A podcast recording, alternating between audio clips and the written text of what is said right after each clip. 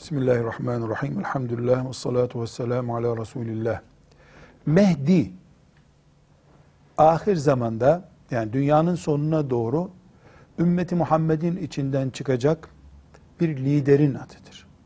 Soyu Resulullah sallallahu aleyhi ve selleme dayanacak. Adı Resulullah sallallahu aleyhi ve sellemin adı olan Muhammed Ahmet'ten biri olacak. Babasının adı da Abdullah olacak. Mehdi aleyhisselam yeryüzündeki kargaşalığı, zulüm ve fıskı fucurla dolan dünyayı ıslah etmek için gelecek. Yani düzeltecek. Mehdi aleyhisselamın geleceğiyle ilgili onlarca hadisi şerif var. Bu hadisi şerifler hadis literatürü açısından güçlü, en üst derecede hadisi şeriflerdir.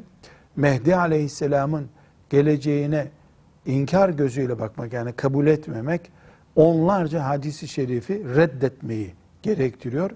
Bu nedenle akidemizin temel esaslarından biri Müslüman olarak Mehdi aleyhisselamın bir gün geleceğine inanmaktır. Bu şekilde inanıyoruz. Ama ne zaman, nerede, kim bu soruların cevabı yoktur. Bu hususta belli bir suistimal tarih boyunca olmuştur. Nasıl olsa Müslümanlar Mehdi aleyhisselam diye birine inanıyorlar. Sakalını uzatan, sarığını kalın saran Mehdi olduğunu iddia etmiştir. Gece çok rüya gören daha büyük Mehdi olduğunu iddia etmiştir. Bunlar suistimallerdir. Hiçbir değeri yoktur.